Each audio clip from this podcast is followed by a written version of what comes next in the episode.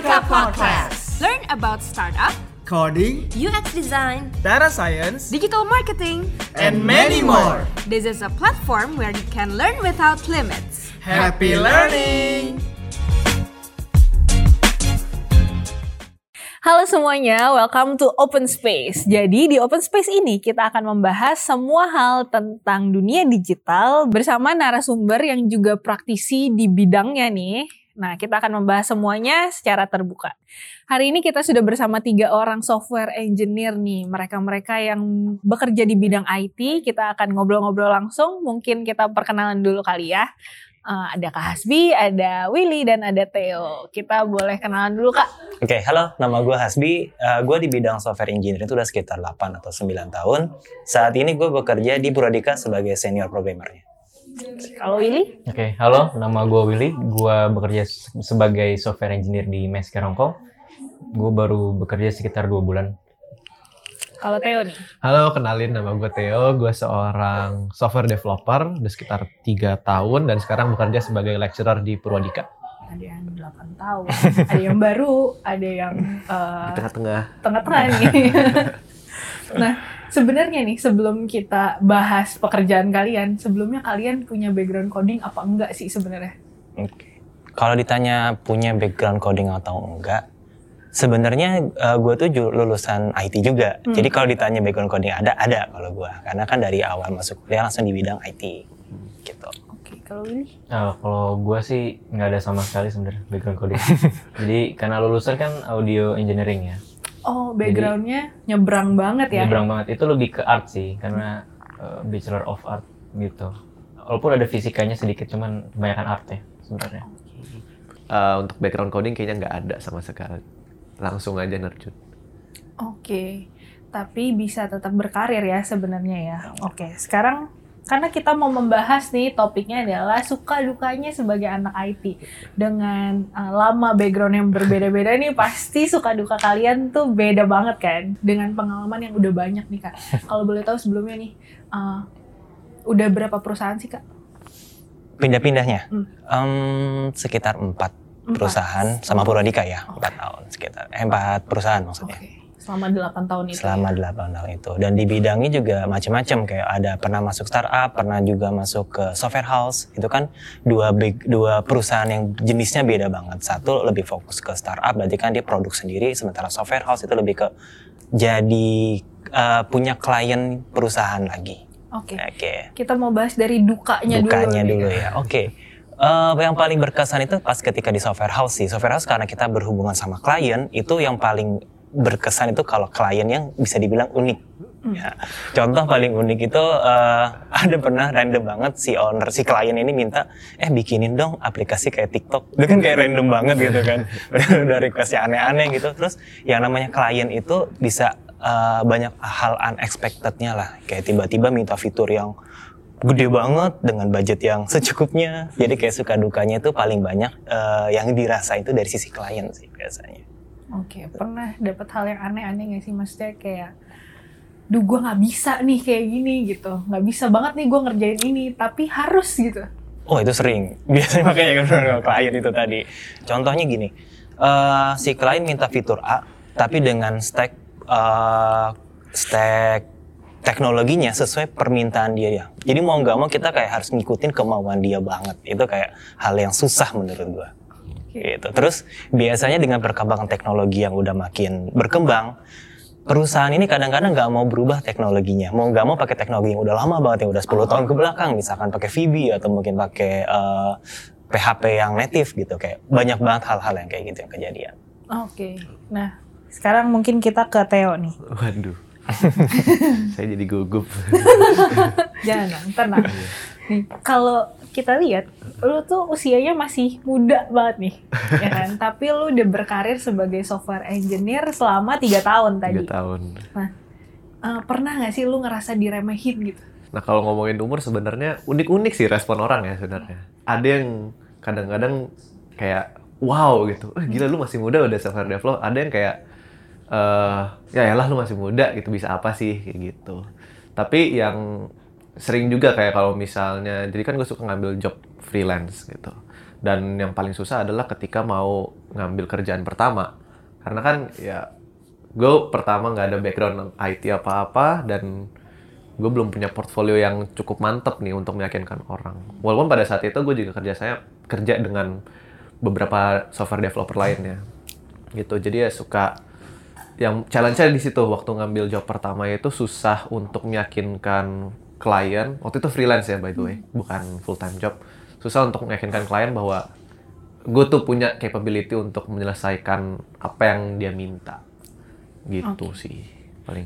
Pernah gak sih ketemu klien? Kan freelance nih ya? Ketemu klien pertama kali, awalnya nih by chat dia oke nih kayaknya kerjanya bagus bla bla bla. Tapi begitu ketemu, ah kayaknya lu nggak bisa deh. Kayaknya lu yakin lu umur segini bisa gitu. Ah, itu pernah. gitu? Itu Pernah lah. itu pernah. Bahkan baru-baru waktu umur gue juga ya tahun lalu sih sebenarnya sih. Udah 21 gitu. Which is ya mungkin di pandangan orang lain itu umur-umur fresh grad kali ya. Gitu. Waktu by chat itu dia belum terlalu kenal sama gue. Jadi itu dikenalin sama teman. Waktu by chat itu ya dia santai-santai aja ngobrolin dia perlunya apa, budgetnya sekian, ngobrol-ngobrol. Akhirnya pas ketemu itu pun virtual meeting ya uh, by Zoom gitu. Akhirnya barulah kenalan lebih dalam lagi bahwa gue kasih uh, dia akhirnya tahu portfolio atau apa biografi gue liat LinkedIn gitu dan ketahuan oh gue anak 2000 nih masih masih muda banget gitu. Nah, di situ barulah apa namanya dari yang tadinya kita lebih ke discuss bareng-bareng tiba-tiba uh, modelnya dia jadi berubah jadi kayak lebih ke ngasih tahu gitu. Harusnya tuh kayak gini gini gini gitu. Walaupun mungkin secara uh, sisi bisnis dan sisi tech itu kan kadang-kadang kita harus compromise ya kadang-kadang ya. Uh, apa namanya ada beberapa yang ada ya ada keterbatasan aja gitu dari sisi technya gitu. Tapi dia maksa gitu. Dan jadinya lebih ke menggurui gitu padahal ya sorry itu saya memang walaupun gue lebih muda tapi gue lebih tahu di bidang technya gitu. Yang sering terjadi sebenarnya itu sih Tapi kalau dapat klien yang kayak gitu, Heeh. lu lanjutin apa enggak? Enggak, gua nggak lanjutin. Jadi akhirnya kalau apa eh, keputusan kata-kata terakhir gue waktu itu ya udah kalau misalnya bapak nggak yakin ya udah kita nggak usah aja. Setuju. Ya pacaran kan, kita butuh udahin. kepercayaan gitu loh, trust, Saling melengkapi. ya. saling melengkapi. Melengkapi. Gitu. Oke. Nah kalau dari Willy nih, lu kan baru nih, baru banget, tapi langsung dapet di luar negeri di Hong Kong gitu. Boleh ceritain nggak sih dukanya dulu deh? Oh, dukanya dulu ya. Eh Sebenarnya bingung juga sih kenapa diterima gitu. oh, mungkin karena kebetulan sebenarnya Theo ini penguji dulu waktu Oh iya ya, pada project. gue lupa. Iya, mungkin lupa gitu waktu itu kebetulan nama websitenya tuh mm, Fournier jadi itu bahasa Prancis yang artinya furniture Oke. gitu nah kebetulan bos di Hong Kong ini orang Prancis gitu. Mungkin itu yang bikin dia ngeliat pertama kali gitu. Terus eh, ya udah diwawancarain. Ya udah tiba-tiba masuk aja gitu. Dia suka eh, profil gua biografi gua. Kalau dukanya nih hmm, apa ya karena gua paling paling junior sih bisa dibilang. Karena di situ kayak ada orang India tuh tiga orang Hong Kongnya tuh ada tiga juga. Satunya eh, satunya sih apa internship kan intern.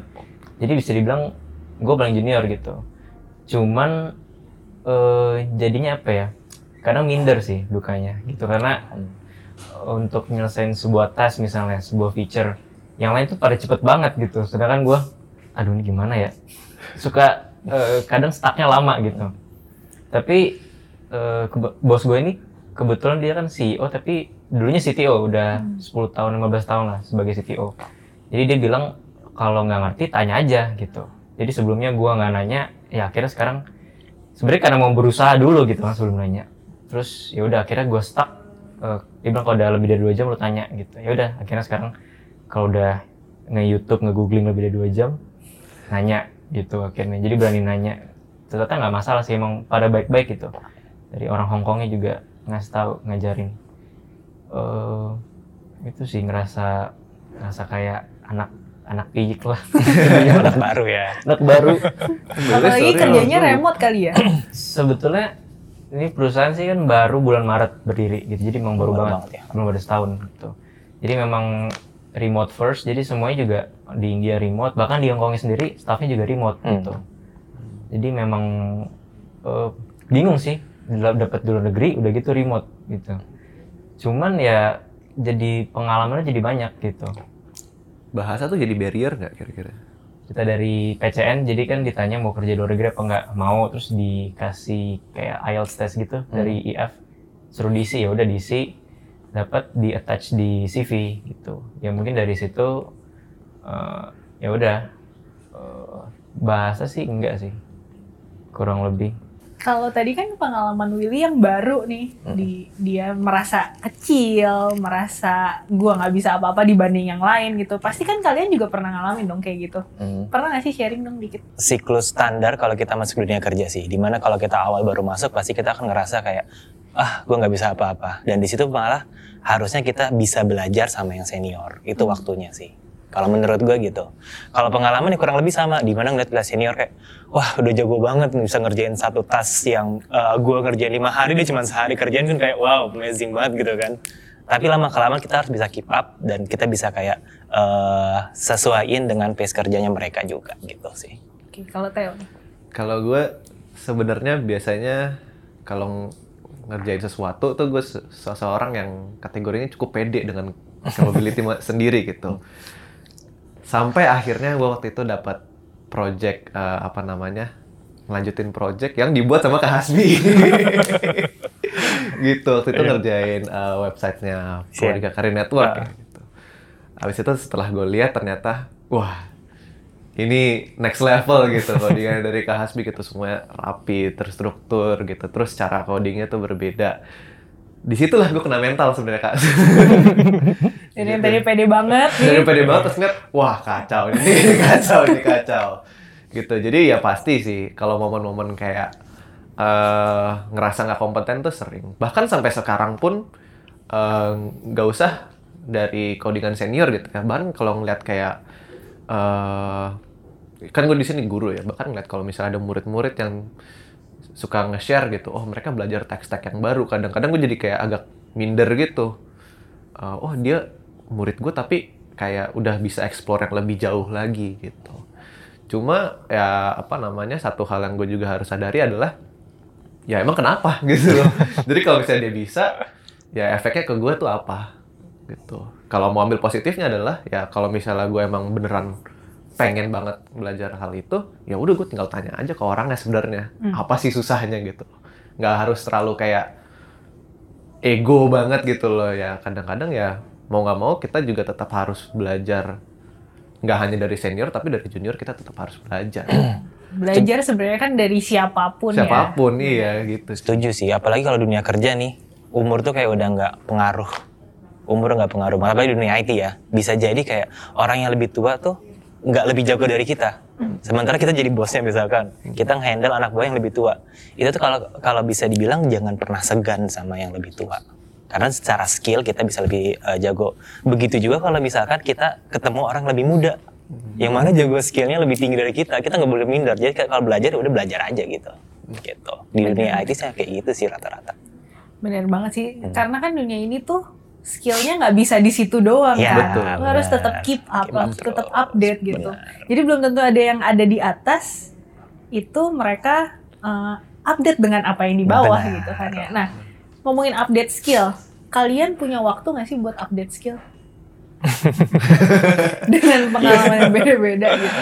Mungkin Atau- atau Willy duluan. Siapa aja yang mau mulai? Oke, kalau dari gue ya misalkan update skill. Eh, paling gampang itu memang pas saat kerja sih update skill itu, di mana kita bisa explore sesuatu yang baru. Walaupun eh, ini paling mentoknya itu bar- eh, kalau ketemu deadline biasanya. ketemu deadline kita udah gak bisa belajar apa-apa lagi tuh. Fokus ke deadline dulu.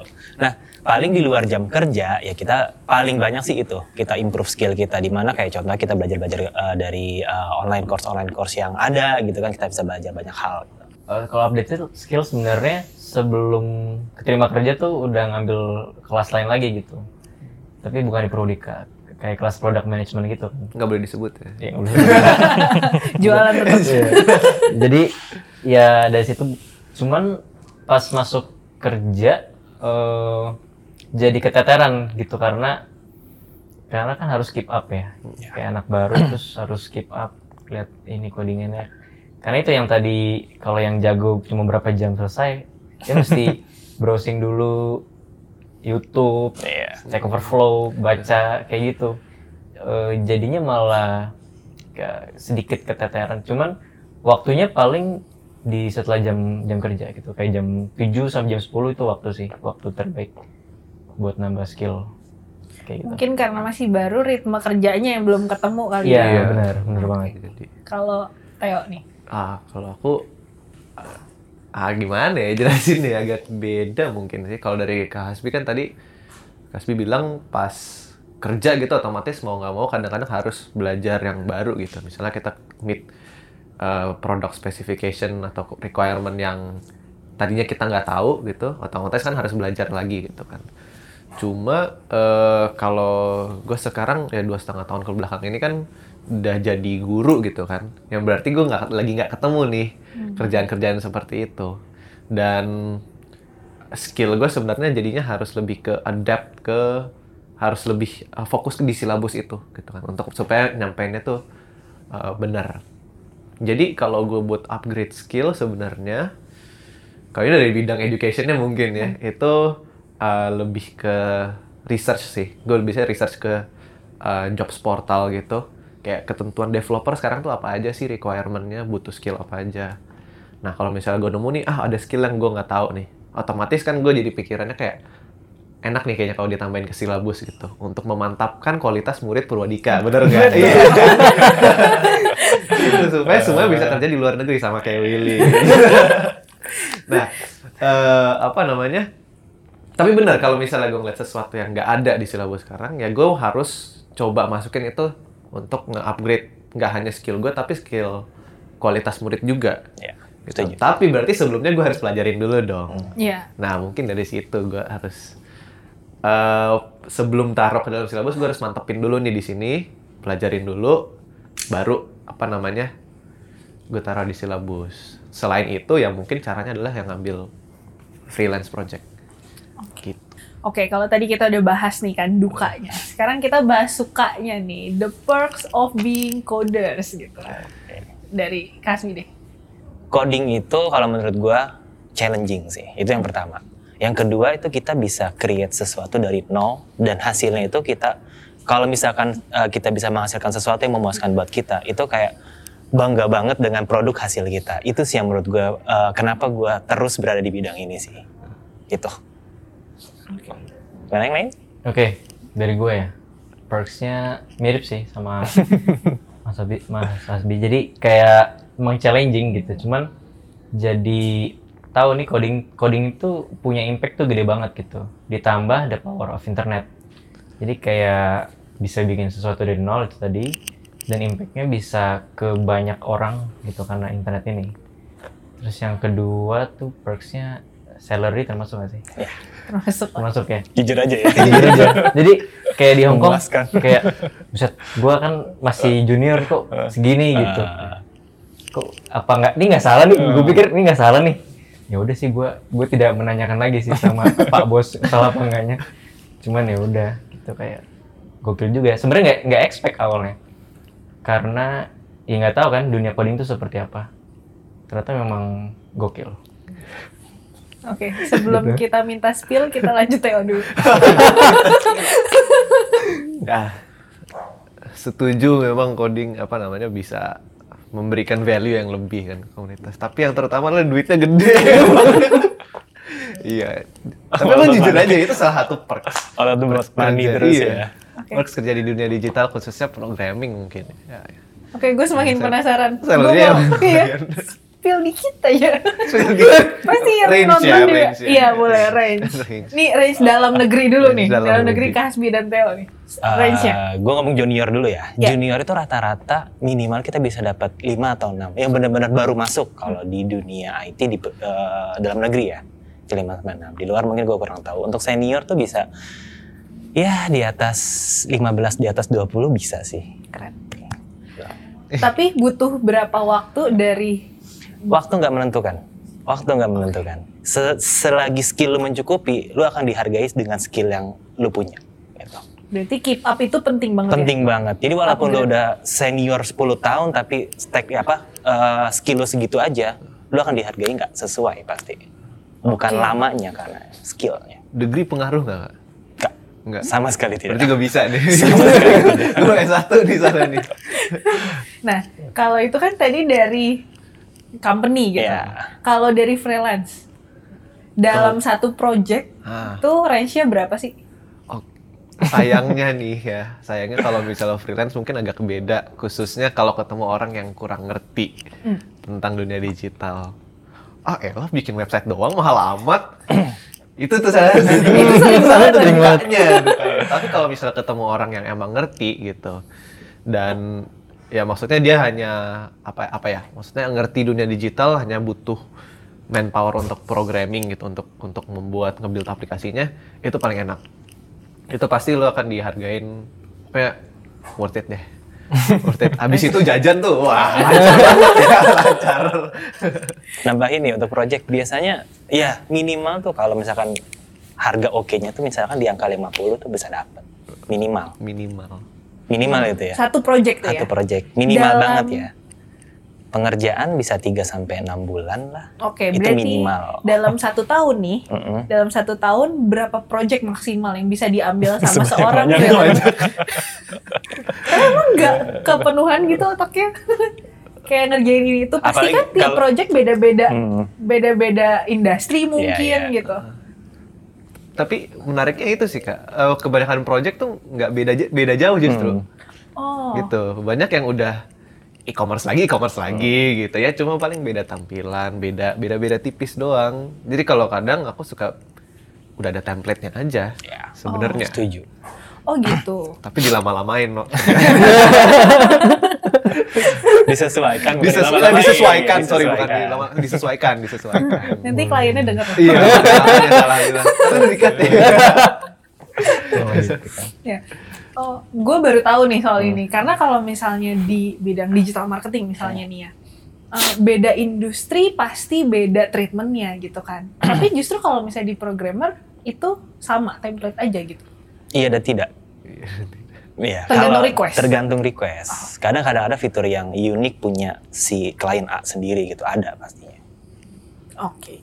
Nah, yang dalam negeri dan freelance udah nih, freelance sangat menjanjikan ternyata ya. menjanjikan Coba aja tanya programmer siapa yang nggak punya freelance? Jarang. Rata-rata double job. Oke. Kalau yang dari luar negeri nih, dari luar negeri ya.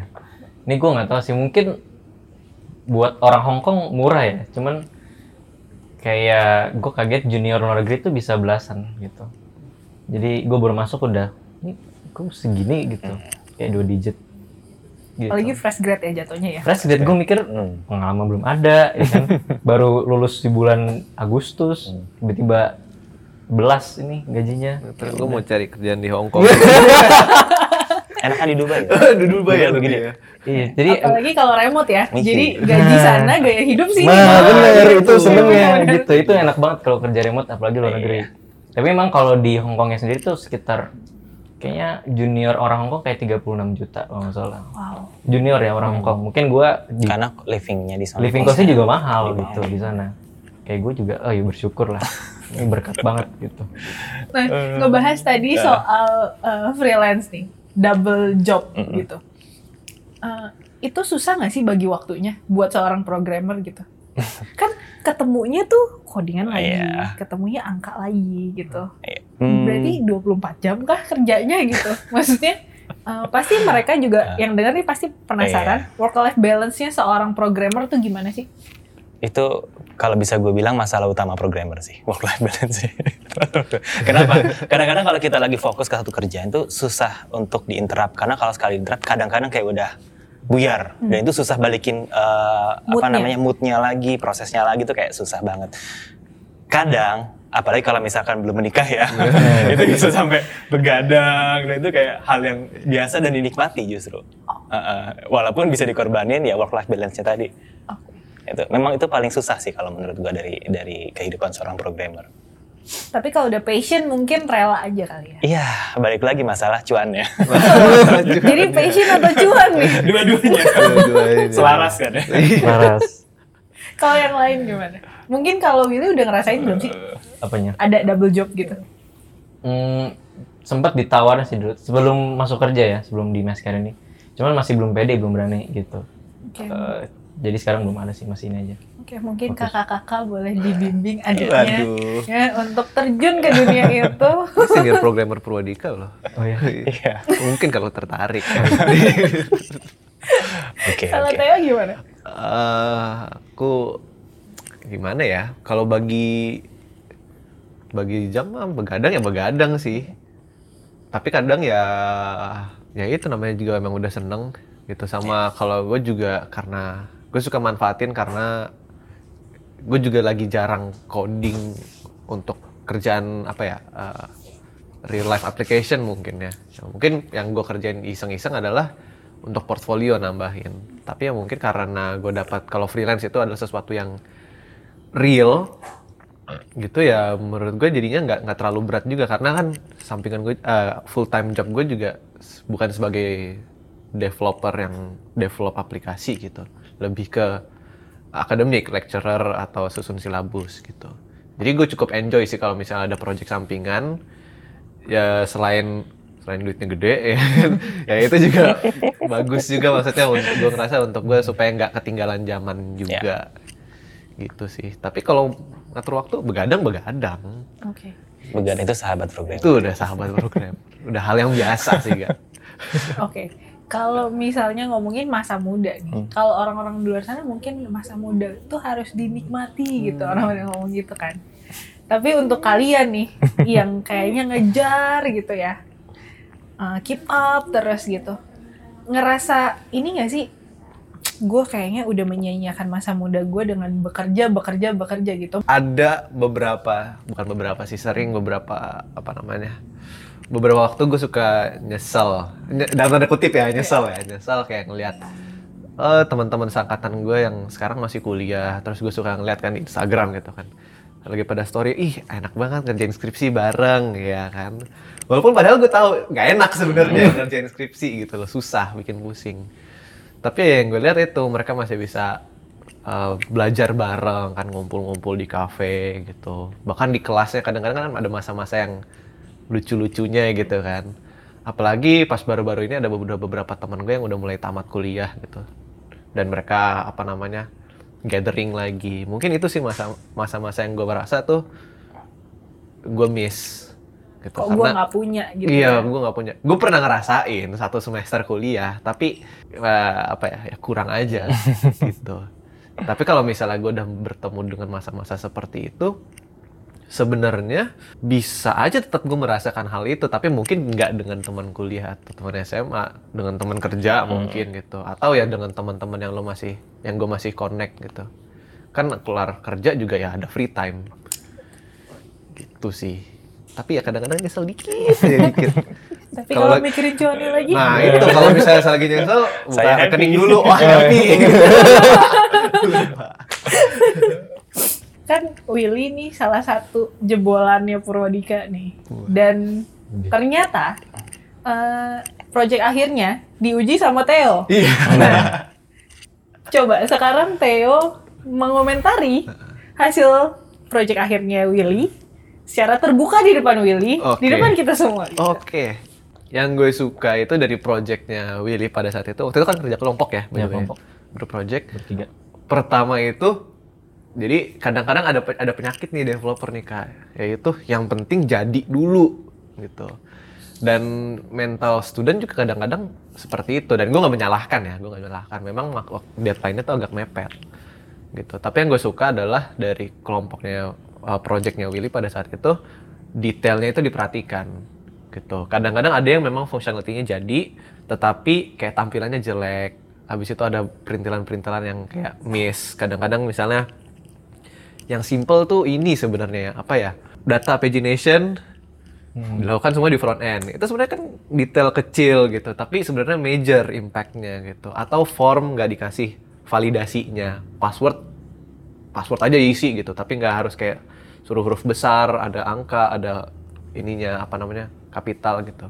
Dan gue merasa ya pada saat itu project project Willa ada salah satu yang sebenarnya gue rencana untuk di showcase gitu kita lagi ngumpul-ngumpulin project untuk ditampilkan nih project apa namanya hasil karya murid Purwadika itu seperti bisa seperti ini gitu. Dan terbukti juga bahwa Willy kan juga nggak dari background IT ya. Iya.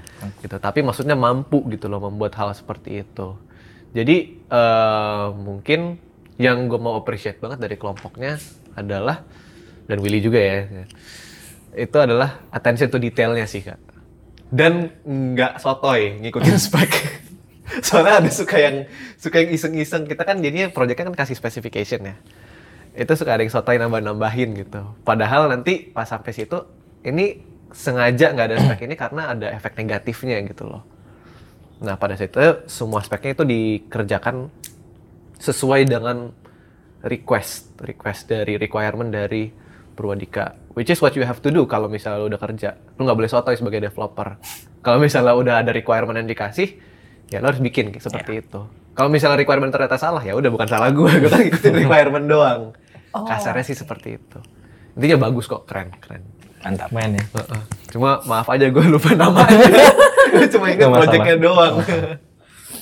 Oke, kalau ngomongin requirement tadi, berarti yang diukur sebagai seorang developer software engineer nih, yang diukur dari kerjaan kalian bagus atau tidaknya, itu apa sih sebenarnya? Tergantung sebenarnya. Ada banyak variabel yang bisa kita ukur.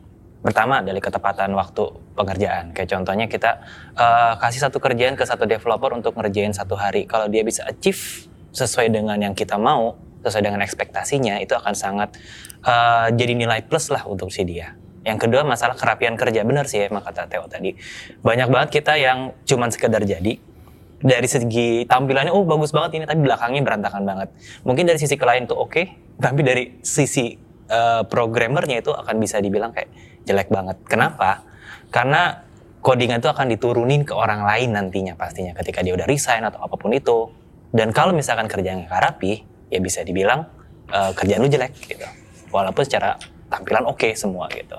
Kalau front end pasti tampilannya ya itu dulu. Terus kalau itu tadi codingnya, jadi bisa tampilannya bagus tapi codingnya ternyata berantakan gitu, numpuk-numpuk, nggak di refactoring dulu. Jadi itu benar kalau nurun ke misalkan ada tim lagi yang baru gabung gitu, ngeliat codingannya kok jadi dia yang repot gitu nantinya gitu. Itu jadi salah satu tolak ukur. Sama fungsi sih yang penting gitu. Kalau eh, apa ya website cuman bagus tapi nggak ada fungsi kan ibarat main ke tempat makan tapi nggak bisa pesan makanan gitu jadi buat apa cuman main doang jadi, jadi orang bakal pergi juga gitu. Jadi mesti fungsional sama tampilan menurut saya gitu.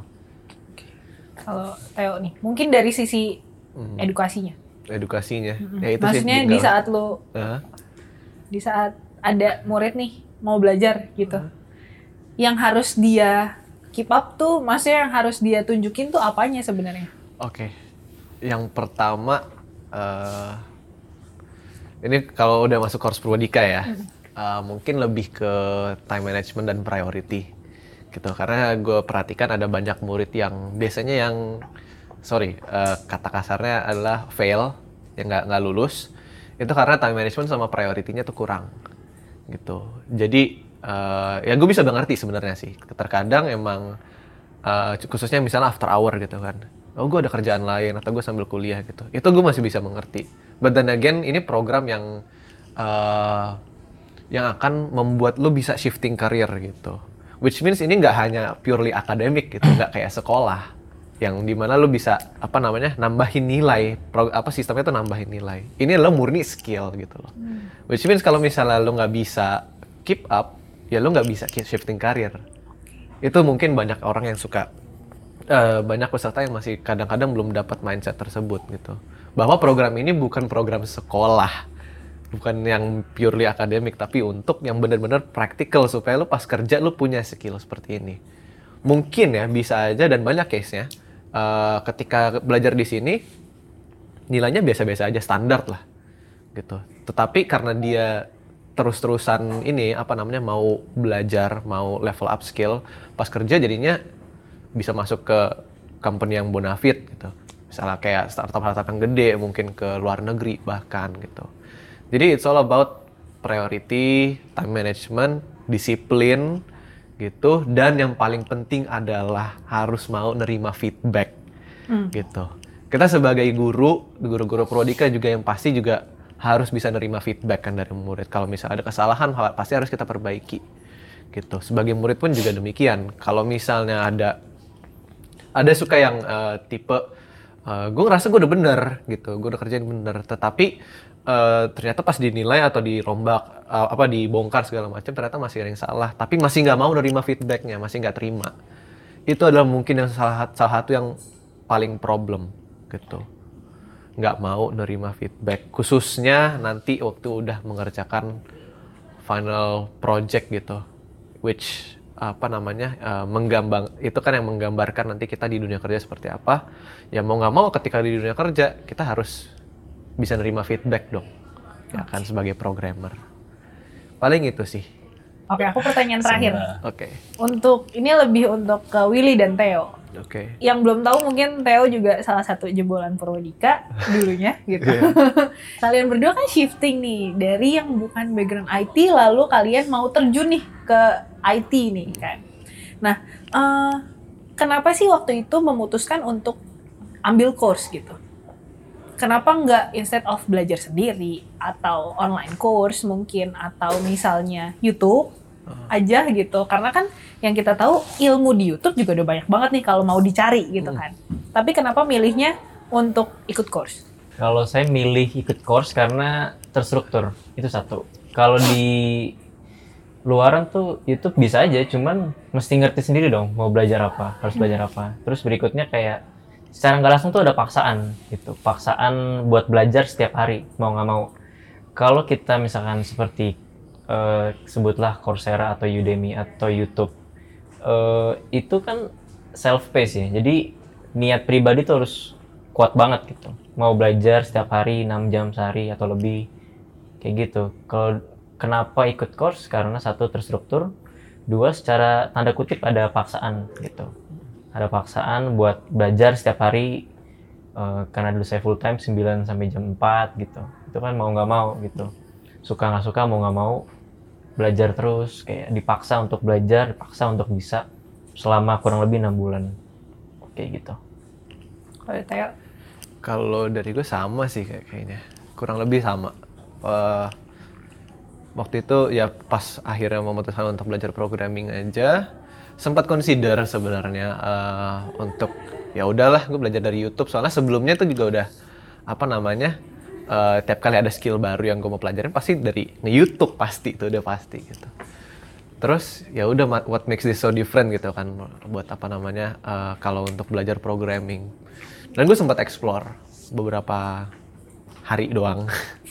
Karena salah satu problem gue adalah untuk itu time management disiplin. Ketika kalau misalnya kita eh, sistem yang self paced, gue nggak bilang semua orang ya, tapi eh, banyak orang yang lebih susah untuk ngatur waktunya gitu loh untuk tetap disiplin ngikutin course-nya, tetap ngikutin timeline yang udah di apa namanya direkomendasikan gitu. Nah, ketika eh, belajar sendiri gitu ya problem gue adalah nggak bisa ngatur waktunya gitu. Ah, kapan aja gue juga bisa nonton kok gitu. Makanya gue decide untuk ya udahlah, gue coba masuk Purwadika dan ya waktu itu juga memang testimoninya kan bagus-bagus gitu kan.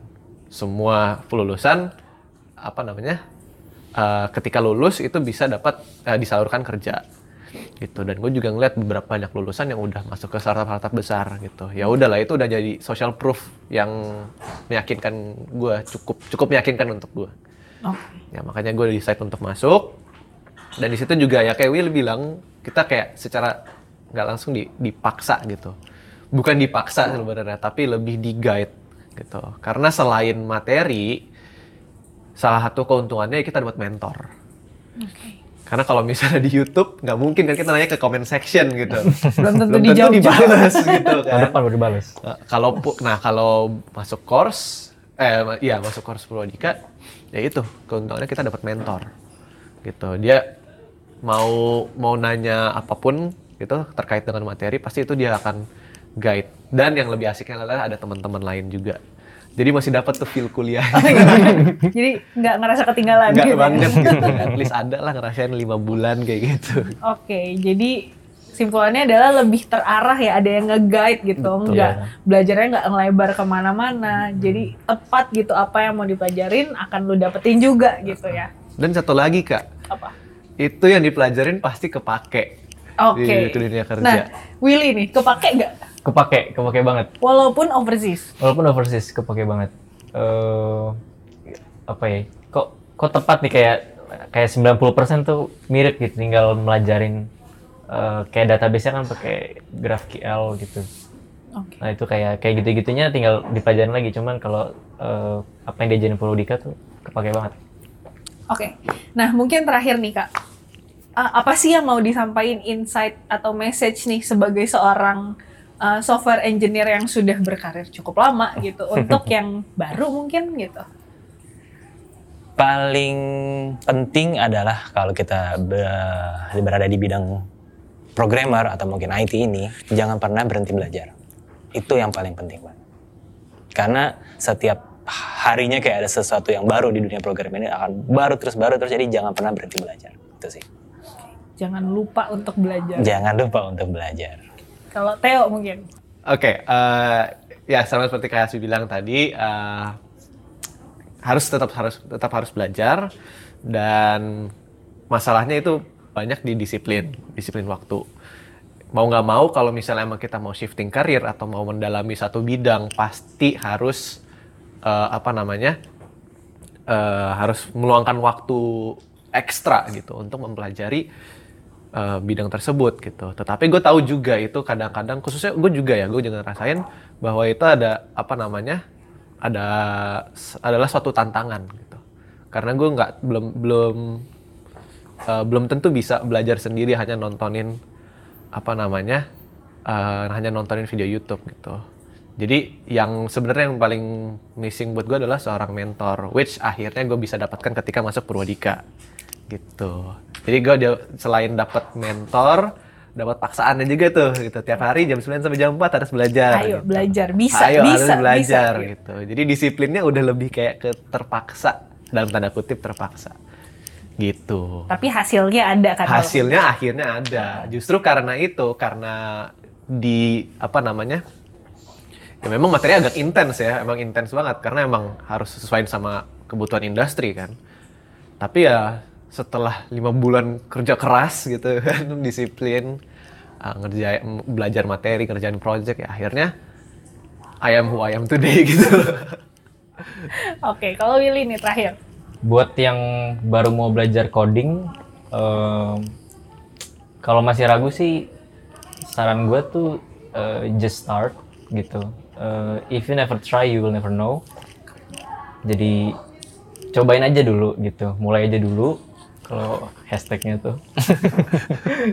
Eh, Iya benar kalau nggak nggak dicoba nggak bakal tahu gitu. Karena ya kalian coba bergerak berdasarkan data aja gitu. Karena kayak menurut Forbes number one tuh saham nomor dua teknologi. Jadi cobain aja. Seru kok belajar coding Oke, thank you Oke. nih semuanya ya udah ngobrol-ngobrol, udah sharing insightful banget. Mungkin eh, teman-teman nih yang mau tahu lebih banyak lagi, mau topik apa lagi, boleh komen juga di bawah. Tungguin kita minggu depan di open space berikutnya. Bye. Thank you for listening Purwadika Podcast. Don't forget to follow to keep up with our upcoming episodes. See you and have a great day.